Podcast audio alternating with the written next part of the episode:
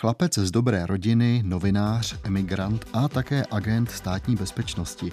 Tím vším byl Tomáš Řezáč, jehož životní příběh zpracovali do dvou dílů pořadu Portréty v roce 2012 Pavel Hlavatý a Jan Sedmidubský. Celý první díl byl věnován Řezáčovu otci, spisovateli Václavu Řezáčovi a ten druhý, který teď uslyšíte, už nechvalně proslulému synovi Tomášovi. Špioni ve službách dobra i zla.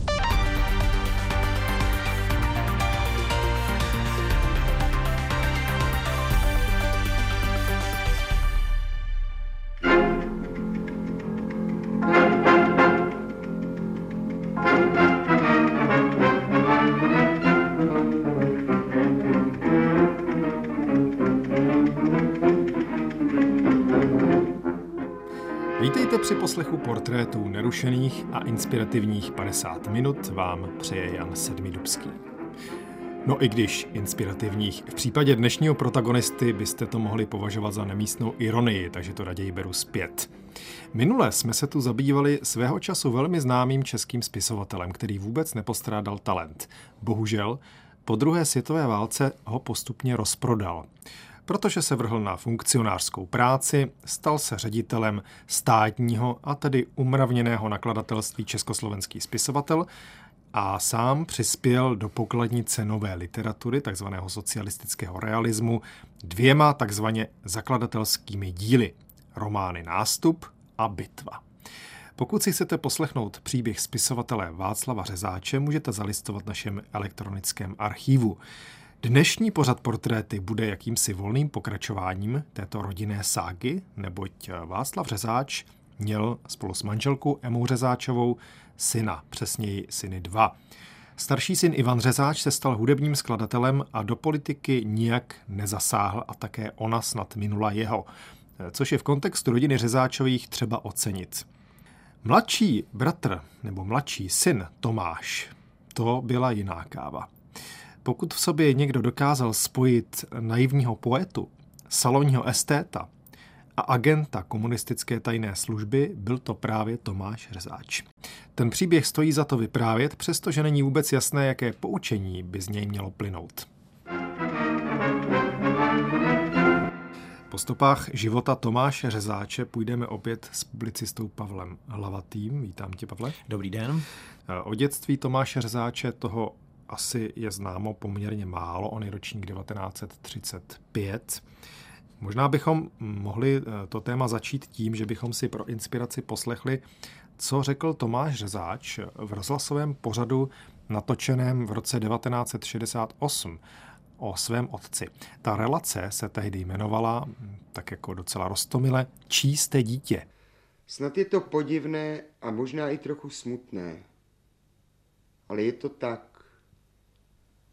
Nejkrásnější a nejucelenější vzpomínky na svého otce mám z let protektorátu z doby druhé světové války. Bylo mi tehdy mezi pěti až deseti lety, abych to řekl s hlasem. Ty hranečníky, které zarazilo dětství, to byli cizí vojáci, lež, násilnictví a podlost povýšená na státní věrouku. To byla, abych tak řekl, krajina mého dětství. Ale pak byla ještě jedna krajina, kterou pro mne vytvářel velice citlivě a promyšleně právě táta. A když na tuhle druhou krajinu teď tak myslím, a kdybych ji měl nebo chtěl popsat, tak první představa, která je s ní spojena, to je sobotní odpoledne někdy z kraje podzimku, mlha za okny, ohýnek jenž řeřaví za slídovými průhledy amerických kamen. A je to vůně cigaretového kouře, která tátu nerozlučně provázela až do konce života. No a pak ta černá pohovka s nědými povlaky, na které jsme vždycky v sobotu odpoledne s tátou posedávali a na které dosud lehám. Víte, každý si najdeme nějakou představu, se kterou je nám dobře a bezpečně, ať se kolem nás děje cokoliv. Každý si vystavíme nějaké doupě, kam na nás nikdo a nic zlého nemůže. Tak tolik taková poetická vzpomínka Tomáše Řezáče na otce, spisovatele Václava Řezáče. E, natočeno v Československém rozhlase v říjnu 1968. Tomáš Řezáč svého otce nepochybně ctil a uznával. Na ta válečná léta tedy paradoxně vzpomínal jako na dobu, kdy si ho nejvíc mohl užít doma, protože později už otec po válce tedy jaksi příliš funkcionařil. Jak to bylo s matkou Emou Řezáčovou? Měl na ní Tomáš Řezáč nějaké vzpomínky podstatné? No, matka byla velmi dominantní. Eh, možná bychom si měli připomenout, protože to se eh, potáhne dnešním pořadem jako červená nit, eh, taková různá jiná jména, ať už krycí nebo převzatá, že jeho otec se původně jmenoval Václav Voňavka, jeho matka byla skutečně nejprve tedy provdaná Voňavková a teprve postupně se nejprve vrátili k jejímu dívčímu jménu Řezáčová, oba tedy i jeho otec, i jeho matka jako k uměleckému pseudonymu a posléze si ho změnili i jako jméno občanské. Takže taková ta krize identity možná eh, začala už tímto pozoruhodným způsobem. Eh, jinak eh, existují svědectví, že již v 50. letech s ní Tomáš Řezáč dojížděl například na Dobříž. Jeho matka byla rovněž spisovatelka. Za první republiky psala spíše takové ženské romány nebo romány, kde ta ženská problematika byla hodně akcentována, ale po válce se i ona dala do služeb socialistického realismu a dalo by se říci, že v něm vydržela až do konce. Její poslední práce vycházely ještě v 80. letech. Mladý Tomáš Řezáč tedy absolvoval gymnázium, maturoval v osudném roce 1953, ale s jeho dalšími studii to nebylo nijak slavné. On studoval archivnictví, ale školu nedokončil. Neměl výdrž? No, oficiálně se uvádí jako zdroj zdravotní problémy. Je možné, že už zde hrála roli jeho psychická labilita, o které dnes rovněž velmi často uslyšíme. Pak ho čekala základní vojenská služba, ale ani tu, dá se říct, nedokončil, protože během ní vlastně byl přidělen ke kontrarozvědce. A když řeknu kontrarozvědka, tak mám pod tím pojmem rovnou, jak si rozumět, státní bezpečnost? No, naše tehdejší kontrarozvědka skutečně součástí státní bezpečnosti byla, ale nesmíme tyto formulace přeceňovat. Řezáč se sice působením u kontrarozvědky za své vojenské kariéry chlubil, ale on tam vykonával jakési pomocné práce, a nebyl tedy žádným prominentním agentem ještě v té době. On byl poprvé naverbován v roce 1965 a podrobně popsal historii řezáče jako agenta státní bezpečnosti historik Jiří Bašta ve sborníku Securitas Imperii. V té době ovšem už byl Tomáš Řezáč tak říkajíc rozkročený mezi publicistikou kulturní a řekněme bezpečnostní. Z něho se stal novinář, snad možno říci i spisovatel. Jedna z prvních knih mu vyšla pod pseudonymem Karel Tomášek v roce 1962, jmenovala se Okresní oddělení a prý se čtenářům dost líbila. Čili dá se o něm v té době mluvit jako o regulérním spisovateli od toho roku, řekněme, 60, 62, 65? Řekněme, že ano. On ten pseudonym Karel Tomášek vlastně používal během 60. let eh, jako svůj běžný literární pseudonym. Eh, pokud vím, tak se k němu později vrátil už jenom v jednom případě poměrně absurdně jim podepsal nějakou propagandistickou brožuru o RVHP, ale v těch 60. letech mu vyšly tuším, že čtyři knihy, jednak prvotina, to byla básnická sbírka Ulice na závrati, to byla taková symbioza, řekněme, eh, revolučního nadšení už takové té druhé generace a poezie všedního dne celkem se z toho dalo těžko ještě odhadnout, kam se bude dále vyvíjet. Pak je to právě již zmiňovaná kniha povídek okresní oddělení, což byly vlastně povídky které zpracovávaly témata eh, odhalování drobné kriminality. On sám v té době dokonce byl nadšen a v jednu dobu uvažoval i, že by se stal tedy pracovníkem bezpečnosti jaksi veřejné, tedy nikoli v té tajné. A pak ještě během 60. Eh, let vydal dvě další knihy a sice povídky Cvičná jízda, což byly povídky z vojenského prostředí z doby kubánské krize a Zatracený štěstí, což už v roce 67 byly prózy dalo by se říct, že z těch 60. let je tato knížka asi nejlepší, kde se určitým způsobem projevila rezonance s tou tehdejší eh, deziluzivní prózou 60. let českou tedy. Co do míry Řezáčova sebevědomí je pozoruhodná jeho pozdější vzpomínka na rok 1967, kdy se odehrál eh, slavný čtvrtý sjezd Svazu československých spisovatelů, řekněme ten reformní. Sjezdu Svazu československých spisovatelů v roce 1967 jsem se ani nezúčastnil. Přestože jako kandidát svazu jsem na sjezd samozřejmě pozván byl. Nechci se dělat hezkým, ale celé sjezdové jednání mě bylo protivné. Atmosféra pro mě neúnosná. A proto jsem, upřímně řečeno, radši chodil na pivo, než bych poslouchal řeči Kohouta a spol. Naskýtá se další otázka, jestli na spisovatelský sjezd jel Tomáš Řezáč jako spisovatel nebo jako agent. Já se domnívám, že se to nevylučuje. Tak, děkuji za stručnou odpověď. Stojí za to zmínit, že po slavném spisovatelském sjezdu byla mimo jiné rozprášena redakce literárních novin a jejich v vozovkách obrody se ujal pozdější normalizační ředitel Československé televize Jan Zelenka. No a do takto vyměněného týdeníku přišel také Řezáček. Dlouho v nich působil. Působil v nich až do jejich zániku na jaře roku 68. Oni se mezi tím museli v nových politických podmínkách roku 68 eh, přejmenovat na kulturní noviny a pak v zápětí potom zanikly. A důležité je tedy zmínit, že vlastně v té době již řezáč vedeným agentem nebyl, Byly s ním totiž podle různých hlášení problémy v tom, že byl neukázněný, různě se i opíjel a podobně, což pro agenta není příliš eh, dobré vysvědčení. A obrodný proces roku 68 eh, řezáč přivítal nebo nikoliv? Dá se to vůbec nějak zpětně rozklíčovat? No, vzhledem k tomu, že neznáme žádný jeho nějaký zásadní článek, který by v dnešní době asi byl tedy hojně citován a on sám později se vyjadřoval k tomu, že měl k tomuto procesu velmi kritický přístup. Je možné, že on se prostě řečeno lidově nechytil. Nezorientoval, nechytil. No a když pak skočíme do doby po okupační, tak na podzim 1968, možná právě v té době, kdy v rádiu byl vysílán, byla vysílána jeho vzpomínka na otce, tak v těch týdnech on se rozhodl ejhle k emigraci.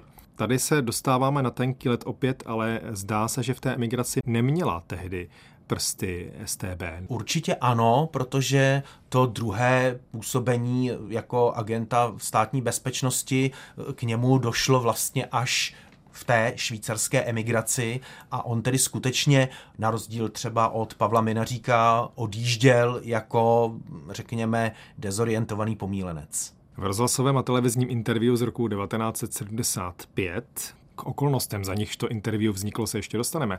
V tomto interview dělal Tomáš Řezáč na Margo své emigrace prapodivné logické piruety. Představuji vám, vážení posluchači a televizní diváci, pana Tomáše Řezáče, spisovatele a publicistu, který se v sobotu vrátil po šesti letech pobytu ve Švýcarsku. Požádal jste nás, abychom vám dali možnost říci posluchačům a divákům, jaké jste si přivezl zkušenosti. Tak především bych chtěl říct jednu věc. Že mnohokrát děkuju za to, že tato příležitost mi byla dána. Za druhé bych chtěl říct, že jsem nesmírně šťasten, že tahle eskapáda šestiletá už skončila. Zkušeností je tolik, že by na jeden večer nestačili a proto se budeme muset dneska patrně trochu omezit. Ale přesto se domnívám, že to podstatné lze i v poměrně omezeném čase povědět. Jestliže jsem hovořil o tom, že jsem rád, že jsem zase doma, že každý je rád doma, tak bych chtěl zdůraznit, že jsem si už od začátku uvědomoval, že se jednou vrátím. Na tento okamžik jsem se těšil v podstatě od chvíle, kdy se v Ruzini odlepilo ze země letadlo rakouských aeroliní, které mě odváželo do emigrace. Já věděl, proč jedu pryč. Ale celá další léta jsem se trápil touto otázkou, totiž v tom smyslu, zda jsem si na ní zodpověděl skutečně poctivě a jestli neklamu sama sebe. A ať jsem tu otázku obracel, jak jsem ji obracel, tak mě vyšel vždycky stejný výsledek. Především mě do emigrace dostala jistá masová psychóza. A vy víte, co masová psychóza dokáže způsobit. Za druhé se projevila určitá dobrodružnost a lehkomyslnost, která je a zůstane bohužel neodmyslitelnou součástí mé povahy. Tak, abychom se zorientovali v čase a v ději, od podzima 1968 pobývá syn Václava Řezáče Tomáš Řezáč v cizině, v kapitalistické cizině. Víme, že odletěl do Rakouska. Co vlastně bylo dál? On se nakonec nějakým způsobem ocitl ve Švýcarsku. Proč právě tam? No, přišel do Švýcarska, ještě bychom měli zmínit důležitý moment, že tam odjíždí do emigrace se svou druhou ženou. Jeho první žena je v podstatě zahalna tajemstvím a vlastně o tom, že existuje, se najednou dozvídáme pouze tím, že do emigrace odlétá se svou druhou ženou. No, on se ve Švýcarsku uchytil takovým velice specifickým způsobem, prošel řadou povolání, jak uslyšíme. A jelikož ta psychická labilita samozřejmě se takovým krokem, jako je emigrace, ještě výrazně zvětšuje, musel mít pochopitelně velké osobní psychické problémy. A jak jste tam začínal? Těžko. Napřed jsem pracoval v cihelně, potom jsem na Firvalčteterském jezeře v Lucernu krmil labutě, štípal jsem lístky na trolejbusu a pak jsem se naučil věc, kterou při své nešikovnosti jsem se divil, že se vůbec naučit dokážu a sice stal jsem se klempířem. No, pak jsem úředničkoval v jednom malém nakladatelství a potom jsem ještě měl auta a pak začala ta, abych tak řekl, intelektuální část té migrace. Zaškolil jsem se v marketingu a ve věci, která se jmenuje německy Marktforschung, česky přeloženo průzkum trhu. A přestože jsem na gymnáziu mýval strašlivé potíže s matematikou, zjistil jsem, že se docela dobře dokážu naučit statistiku. Vyhodnocoval jsem dotazníky sociologických a marketingových průzkumů a nakonec jsem pracoval na projektech výzkumu trhu, které stály takové desítky tisíc švýcarských franků, že byste tomu nevěřil. Nakonec jsem se stal nezaměstnaný. Bez naděje, že práci najdu. Tři měsíce, poslední tři měsíce emigrace jsem žil v tom hrůzném čase nicoty, která obklopuje nezaměstnaného. Vy už to nemůžete znát. A já to teď prožil. Je strašlivá ta beznaděj, to vědomí, že práci nemám, že ji nikdy nedostanu. A to nebylo nic pro mne.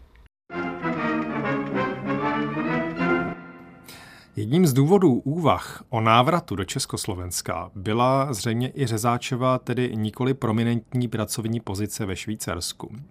Byť i to je zahaleno tajemstvím, protože na jedné straně tvrdí, že pracoval v marketingu, což tehdy bylo velmi málo u nás známé slovo, na stranu druhou slyšeli jsme krmení labutí a podobné práce. V každém případě v dopise, který potom v roce 1972 poslal řezáč domů jednomu svému známému, se o té práci ve Švýcarsku zmiňuje zase takovými podivuhodnými slovy. Z mé práce dále nesmyslně a intenzivněji bohatnou hořčicoví miliardáři Tommy a Frank, akcionáři Knut Weilerovi minerálky a šéfové Coca-Coly.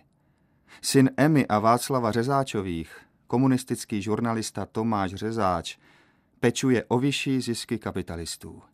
Přepíšeš-li si moji činnost takhle otevřeně a poněkud neohrabaně ideologicky, pak je to k blití.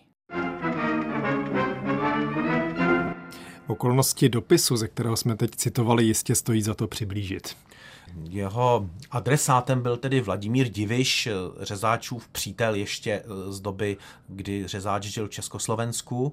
A důležité je, že ten dopis byl fakticky vlastně odpovědí na Divišův dopis, který se ho ptal tedy na okolnosti emigrace a opatrně sondoval, jestli by se s řezáčem nedalo něco podniknout. A poté, co obdržel tento dopis, zašel tedy za Vasilem Bilakem, což už samo o sobě ukazuje, jakým dalším směrem se bude situace vyvíjet a uh, uvedl, že tedy pokud by někdo napsal, řekněme, pravdu o emigraci a tu, takovou tu pravdu, e, tedy tu normalizační, tak by to mohl být jedně řezáč. Navíc tam samozřejmě určitě hrálo roli to slavné jméno, že by se dalo pracovat i s tím e, otcem jako určitým zázemím, které by se dalo využít. No, zkrátka Tomáš Řezáč dával ze své emigrace takové zoufalé SOS, že by se rád vrátil domů. A myslím, že zlatým hřebem toho dopisu, ze kterého jsme tady slyšeli už úryvky, bylo takové doslova vyznání lásky tehdejšímu už prvnímu tajemníkovi strany Gustávu Husákovi. Prostě já toho muže miluju. Jeho čestnost, hrdinství, s jakým se obrátil v 69. proti národu, který jako stádo z blblých ovcí sehnal do propasti občanské války a státní neexistence. S obrovskou mravní velikostí se pan doktor tehdy postavil sám, či jenom s nemnohými a policejními obušky dal ty pitomce zahnat na cestu pořádku. Ano, já se mu obdivuji. Té jeho státnické virtuozitě, tomu jeho se prevoir. Vládnout, to je předvídat. Tomu, jak vzal těm kecálkům tady na západě vítr z plachet tím, že nepřipustil monster procesy. A na druhé straně, jak dokázal mravní bahno Dubčekovců. Prostě mám ho rád a chtěl bych mu pomáhat.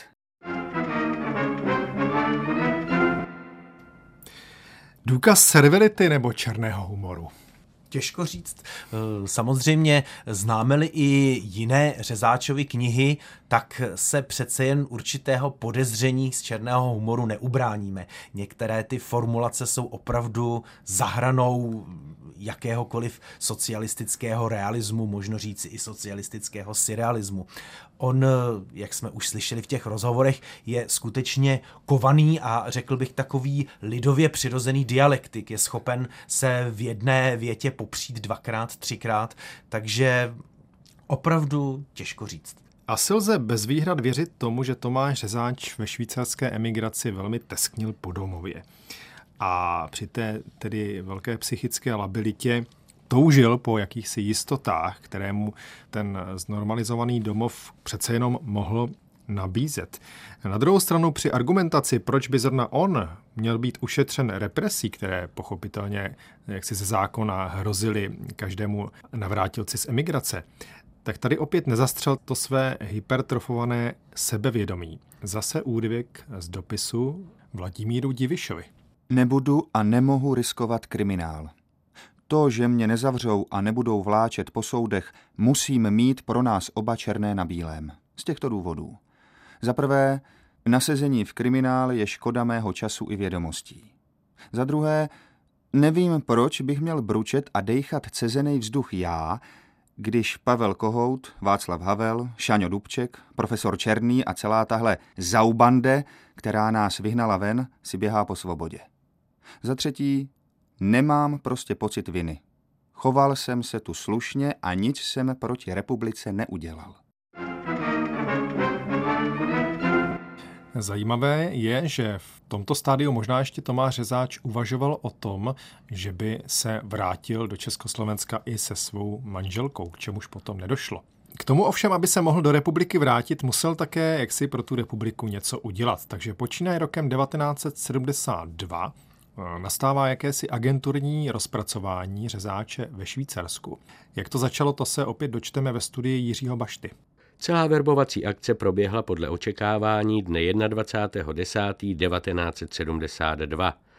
Řezáč přistoupil na všechny Nedbalovy podmínky a poté došlo k seznámení s přiděleným řídícím orgánem Václavem Rígrem. Oběma pracovníkům STB Repo sdělil, že je již dlouho očekával a pouze litoval, že se neozvali dříve. Nedbal situaci popsal slovy. Řekl jsem mu, že já osobně od něho žádám slib, že bude spolupracovat konspirativně a ukázněně. Odpověděl bezprostředně, jste zde a já říkám zdrástvujtě. Nedá se bohužel zpětně dohledat, zdali pracovníkům rezidentury při seznámení s řezáčem necacukali koutky. První fáze návratu do Československa ovšem začala tím, že nový agent Repo musel ještě nazbírat ve Švýcarsku nějaký ten materiál.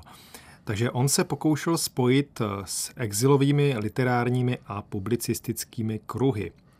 No, on psal do různých eh, exilových časopisů, ale spíše těch pro nás dnes už prakticky neznámých, to znamená do těch eh, cyklostylovaných zpravodajů, které měly tisíc, dva tisíce a vycházely hlavně ve Švýcarsku, ale i v těch okolních zemích Itálie, Rakousko, západní Německo, Francie. V, tomhle, v tomto směru mělo to Švýcarsko docela unikátní pozici a musíme si uvědomit, že poté, opět zdůrazním, již další pseudonym Repo, tak Tomáš Řezáč eh, napsal v exilu knihu, respektive knihy dvě, a obě knihy vyšly pod dalším pseudonymem, a sice pod pseudonymem A. Lidin. V tomto směru je pseudonym rozklíčován tím způsobem, že Lidin znamená Lídin, tedy šlo o křestní jméno jeho druhé manželky. A ta první kniha byl román Trpaslík na houpačce, což je takový špionážní román, čtivě napsaný, byť tedy eh, ta cesta k té čtivosti nebyla úplně jednoduchá. A on vlastně toho románu poté dalo by se říct, využíval k navázání různých kontaktů. Obrátil se na něj například Karel Jezdinský ze Svobodné Evropy, udělal s ním rozhovor a na základě toho získával řezáč další a další konexe. Jenom pod čarou zmiňme, že tou druhou knihou z exilu byla básnická skladba Psychogenes, dnes v podstatě zapomenutá a celkem i dost nezdařená. Tak možná, když už si zmínil tedy Karla Jezdinského, tak to interview skutečně vzniklo na základě vydání eh, knížky Trpaslík na houpačce v, v kolínském nakladatelství Index. My samozřejmě těžko zpětně můžeme vědět, nakolik to byla pro redaktora Svobodné Evropy Karla Jezdinského jaksi rutinní záležitost, nakolik ho to eh, zajímalo třeba víc. V každém případě zase Lidin, neboli Tomáš Řezáč, na to interview ve Svobodné Evropě po návratu do Československa vzpomínal vysloveně s láskou. Karel Jezdinský mi řekl, když už si tady, tak něco natočíme. Bylo mi jasné, že jde o kompromitaci. Odmítnout jsem samozřejmě nemohl. Kdybych byl býval odmítl, zavřel jsem si veškeré kontakty k těmto osobám, které nás tehdy svrchovaně zajímaly a myslím, že ani dodnes zajímat nepřestali. Proto jsem na interview přistoupil a snažil se je udržet v té nejmírnější míře. Střihy bylo něco skutečně upraveno.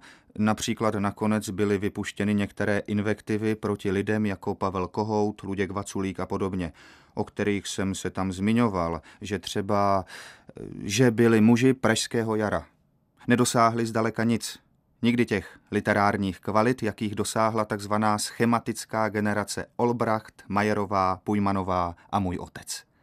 Věděl jsem od začátku, že interview bude vysílán, ale jak říkám, pomoci tady nebylo. Musel jsem se řídit taktickými ohledy své práce v zahraničí.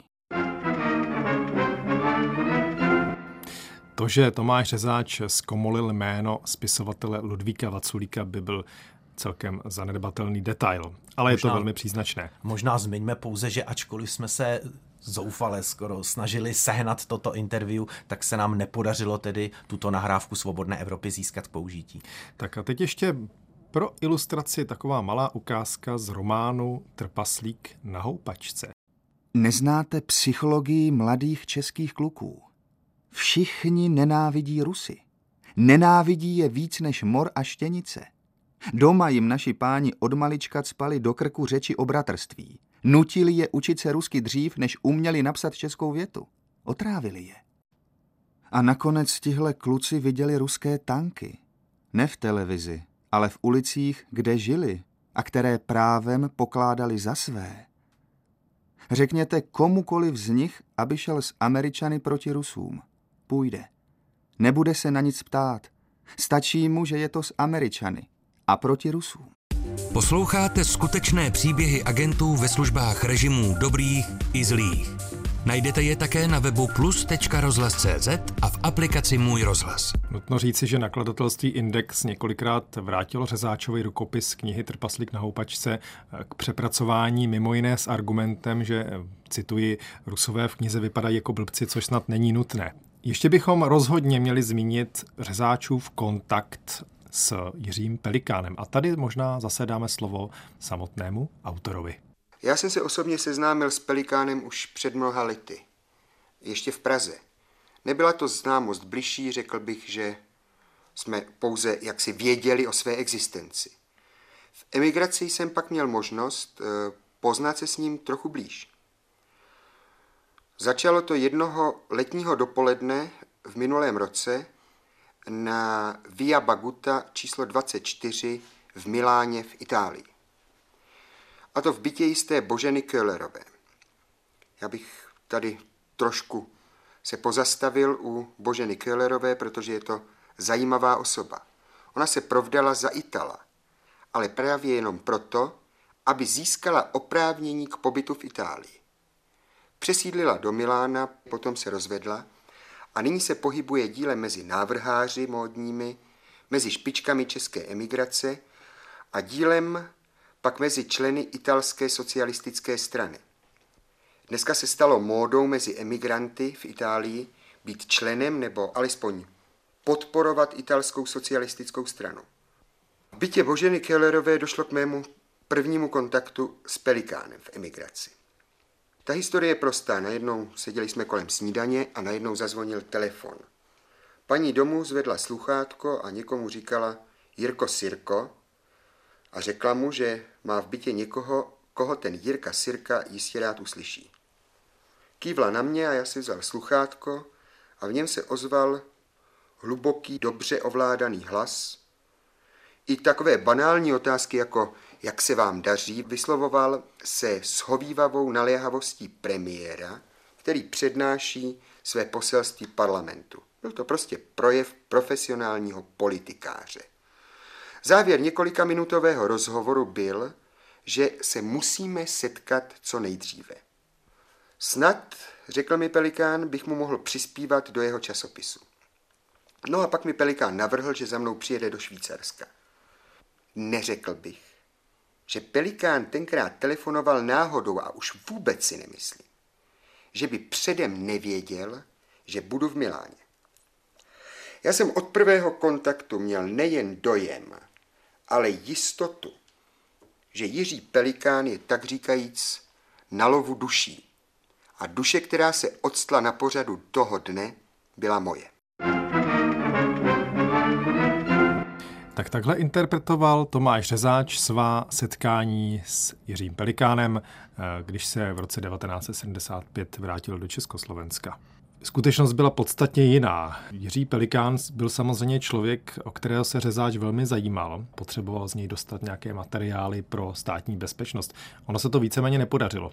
No, on byl na něj přímo dokonce úkolován. Nicméně my máme k dispozici dopis oné Boženy Kélerové, o které řezáč z začátku mluví, která poslala tehdejšímu ministru vnitra československému eh, ostrý dopis, ve kterém líčí řezáče prakticky jako vyžírku, který se jí snažil kontaktovat, snažil se z ní lákat peníze a snažil se jako se přes ní k tomu Jiřímu Pelikánovi dostat, což se mu nepodařilo. Ty Pelikánovi údajné telefonáty tam vůbec nejsou uvedeny, naopak zřejmě řezáč telefonoval Pelikánovi a pokoušel se ho nějakým způsobem zainteresovat. Zdali se někdy krátce sešli, není přesně doložitelné, nicméně takové dlouhé hovory a vůbec ne nabídky rozhodně řezáč tedy od Pelikána nedostal.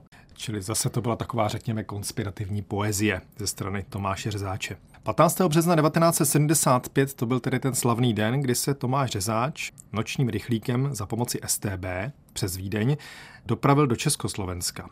A 17. března 1975, dva dny poté, vystoupil paralelně v československém rozhlase i v československé televizi a předvedl tu jakousi studii na kapitána Minaříka, ale co už jste z tohoto interview slyšeli a skutečně myslím, že tvoje charakteristika o socialistickém surrealismu tady byla velice přiléhavá. To interview působí podivně a nepodařeně dnes a dokonce tak působilo i tehdy, o čem svědčí to, že ani stranické, ani bezpečnostní orgány s výsledkem, s vystoupením Tomáše Rzáče nebyly dvakrát spokojené. No, odnesl si to jednak řezáč sám, byla kritizovaná jeho přílišná suverenita a současně vlastně taková ta dialektická nejistota, kterou jsme už komentovali. Kriticky bylo pojednáno i o práci kamery a musím říct, že je nutno zdůraznit, že právem si to velmi odnesl i ten redaktor, který ho spovídal, jistý pan Veverka. Takže se začal uvažovat o tom, jakým způsobem řezáče jak si rozpracovávat z hlediska propagandistického pečlivěji a promyšleněji.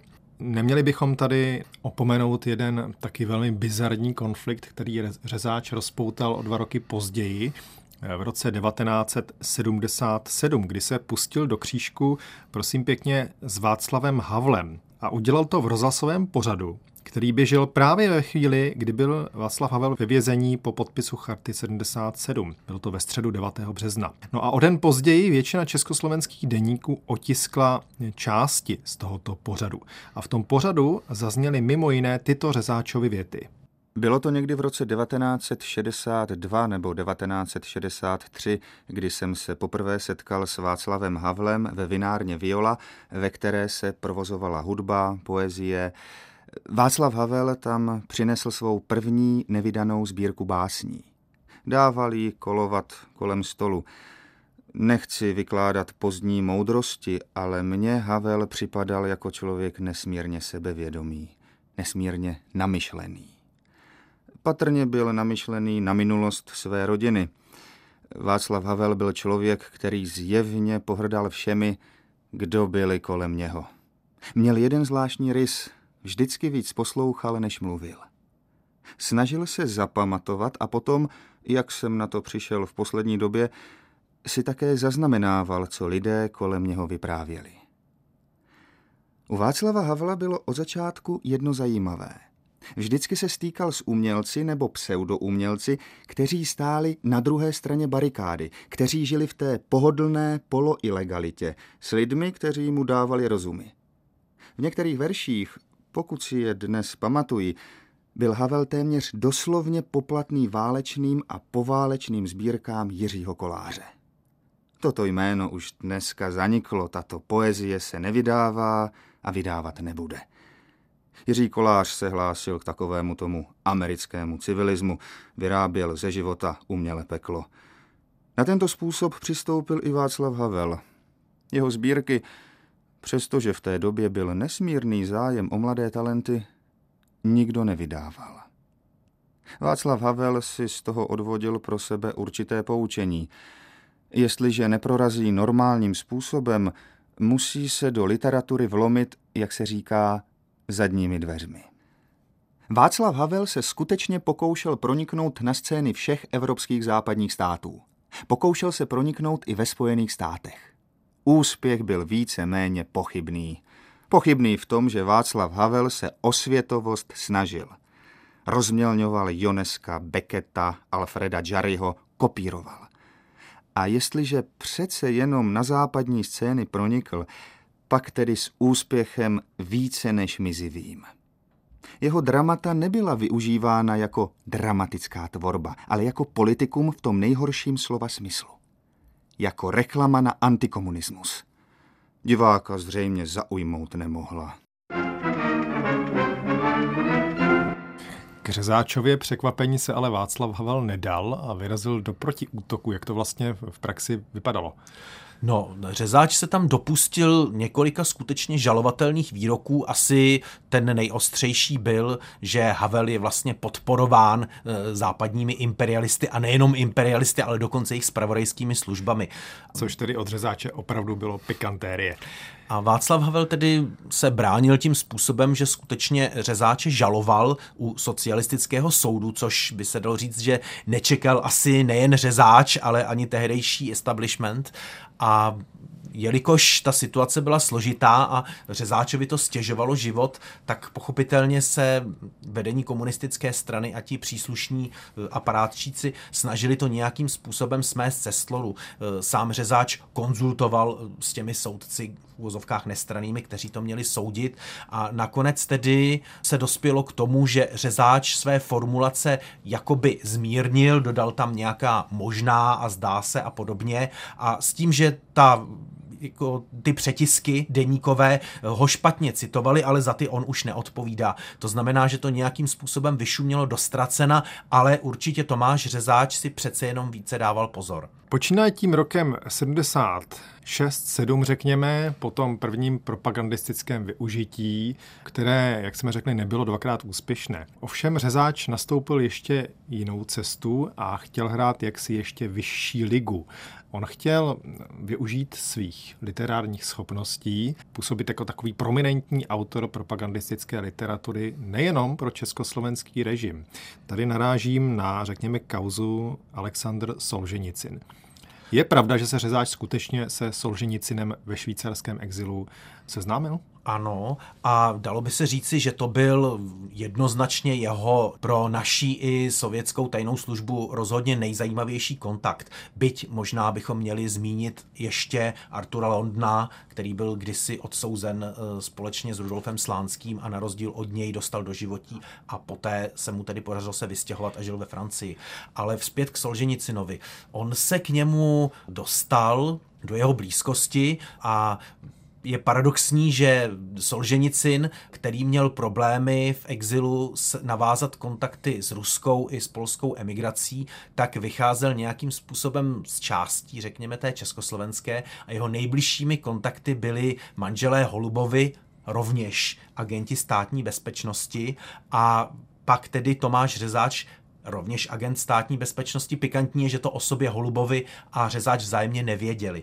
Eh, on dokonce dostal eh, zadán překlad eh, jeho poemy Pruské noci, kterou čeští čtenáři bohužel neznají, protože on ten překlad různě protahoval, ačkoliv měl tedy v exilu víc, nad, už na to byla i podepsaná nějaká smlouva. Řezáč tedy tu poemu překládal do češtiny. Do češtiny a nakonec nevyšla. A nakonec nevyšla a pokud vím, v češtině nevyšla dodnes.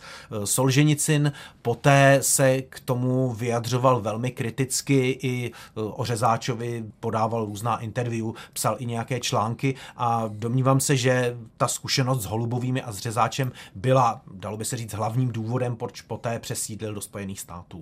Tak to jsou opravdu nečekané eh, věci a myslím málo známé. V každém případě Tomáš Řezáč měl asi velkou schopnost se seznamovat s lidmi, se kterými se seznamovat potřeboval, protože přece jenom zrovna Solženici nebyla jaksi známost eh, k zahození, abych tak řekl. V každém případě jsme někdy v roce 77-78, Tomáš Řezáč už je tedy pod ochranou státní bezpečnosti v Československu, má jakési výhody, je v podstatě živen tím režimem. Zapomněli jsme dodat, že samozřejmě je mu udělena jakási vnitřní amnestie, to znamená, že není stíhán za opuštění republiky v roce 1968 a on začal mířit na pravidelné služební cesty do Sovětského svazu účel těch cest vlastně byl napsat o Solženicinovi knihu. To byl účel vlastně těch prvních cest. On se setkal, respektive KGB mu umožnilo setkat se s první manželkou Alexandra Solženicina, která tedy zůstala v Sovětském svazu a s několika dalšími lidmi, kteří Solženicina znali a na základě svých tedy osobních zkušeností se Solženicinem, dodaných materiálů a těchto setkání, sepsal knihu, která se jmenuje Spirálou Solženicinovy zrady. Nejprve vyšla v Itálii, samozřejmě řízeně tedy KGB, a její uváděno přepracované vydání vyšlo v Sovětském svazu, co je důležité uvést, že vyšlo ve velmi malém nákladu pouze pro vysoké funkcionáře a pro potřeby KGB. A ačkoliv eh, Řezáč původně usiloval o vydání tedy této knihy v Československu, tak následně, když zjistil, že je vlastně pouze určena skutečně pro potřeby nejvyšších kruhů, tak na tom českém vydání přestal trvat. Možná bychom si pro zajímavost ještě mohli poslechnout, jakým způsobem si ministerstvo vnitra postupem času začalo na řezáče a jeho chování u sovětských soudruhů tak jako lehce stěžovat. Za pobytu v Moskvě se TS, tajný spolupracovník Repo, seznámil s celou řadou pracovníků KGB, s nimiž se zpřátelil natolik, že od nich získal i čísla telefonů do jejich bytů. Po druhé cestě do Sovětského svazu, kterou vykonal ve dnech 29.8. až 5.10.1977, se chování TS Repa značně změnilo. Vůči řídícímu orgánu vystupuje povýšeně a jedná s ním tak, jako by řídící orgán byl jeho pomocníkem při obstarávání těžko dostupných materiálů, které potřebuje k dokončení knihy o československé emigraci. Přitom často zdůrazňuje své důvěrné styky s pracovníky KGB v Moskvě, s nimiž si často telefonuje. Po sňatku s Iljou Vasiljevnou Skobarovou se u něj začaly projevovat tendence brát svoji manželku na schůzky s řídícím orgánem a zasvěcovat ji do spolupráce, což mu bylo řídícím orgánem vytknuto. Z toho pramenila jeho další stížnost na špatnou spolupráci. Postupem času si tedy Tomáš Řezáč, jak si začal příliš vyskakovat a jako tajný spolupracovník s krycím jménem Repo začal vlastně hrát možná i v Sovětském svazu a z KGB jakési vlastní hry. No, nejprve bychom asi měli doříct to, co zaznělo v té předchozí ukázce. To znamená, on se po třetí oženil, protože svou druhou manželku nechal tedy spolu z dluhy ve Švýcarsku. On si tedy poté přivezl manželku ze Sovětského svazu a jak jsme slyšeli, brali dokonce na některé konspirační schůzky, což opravdu ukazuje na velmi nadstandardní vztah s KGB. On do toho Sovětského svazu jezdil později často, psal jednak různé publicistické ataky, například mu KGB zprostředkovala e, návštěvu u Andreje Sacharova, Výsledkem byl nenávistný článek Tomáše Řezáče o něm. A pak tedy e, psal různé, řekněme, historicko-publicistické a v každém případě dosti propagandistické knihy, e, například o sovětských partizánech v Bělorusku, napsal životopis Sergeje Koroljova, což je kniha na jednu stranu podle mne velmi přínosná, na druhou stranu mě dost rozčílilo, jakým obratným několika větým eh, vyklouznutím se vyhnul jeho dlouholetému uvěznění v koncentračním sovětském táboře. Eh, dodejme tedy, a snad je to známe, že Koroljov byl vlastně nejznámější konstruktor sovětských raket prakticky ten hlavní. Eh, no a Poté tedy kromě těchto knih psal již zmíněnou propagandistickou brožuru například o RVHP, napsal knihu o ukrajinských protikomunistických bojovnících a řadu různých eh, špionážních románů. A zde bychom opět tedy měli zmínit jeho další a další pseudonymy, eh, konkrétně tedy Pavel Lukáš a Pavel Petr, pod nimiž vyšly některé z těchto zmiňovaných knih a ještě Jiří Bagár, což je pseudonym, který který si jaksi schovával pro publicistickou činnost v tvorbě a rudém právu. Z toho vyplývá mimo jiné to, že pátrat v knihovnách po literárním odkazu, pokud to tak mohu říct, Tomáše Řezáče je velmi obtížné. Tomáš Řezáč byl spolupracovníkem STB až do roku 1988, kdy byl jaksi uložen do výslužby. Nedá se ale v podstatě říci, že ta jeho spolupráce už před tím rokem 88 tak trochu vyhasínala? No, například za rok 86 je citována řada jeho agenturních zpráv, čili šlo spíš o to, že on už byl natolik mohli použít toho výrazu, provařenou osobností, že byl spíše využíván skutečně z toho propagandistického uh, úhlu a jako agent byl v zásadě nepoužitelný, protože kdo tedy se s ním setkal, tak to věděl. Tomáš Řezáč se dožil listopadu 1989 a asi nikoho nepřekvapí, že své poslední spisky napsal a vydal ještě krátce po revoluci a byly to věci týkající se britské tajné služby. Možná bychom ještě měli jako kuriozitu na závěr zmínit, že ačkoliv není uveden v tiráži, tak literárně zpracovával vzpomínky Miroslava Štěpána Spověď vězně sametové revoluce. Pokud jde o rodinnou historii, tak není bez zajímavosti, že matka Emma Řezáčová eh, svého syna Tomáše přežila.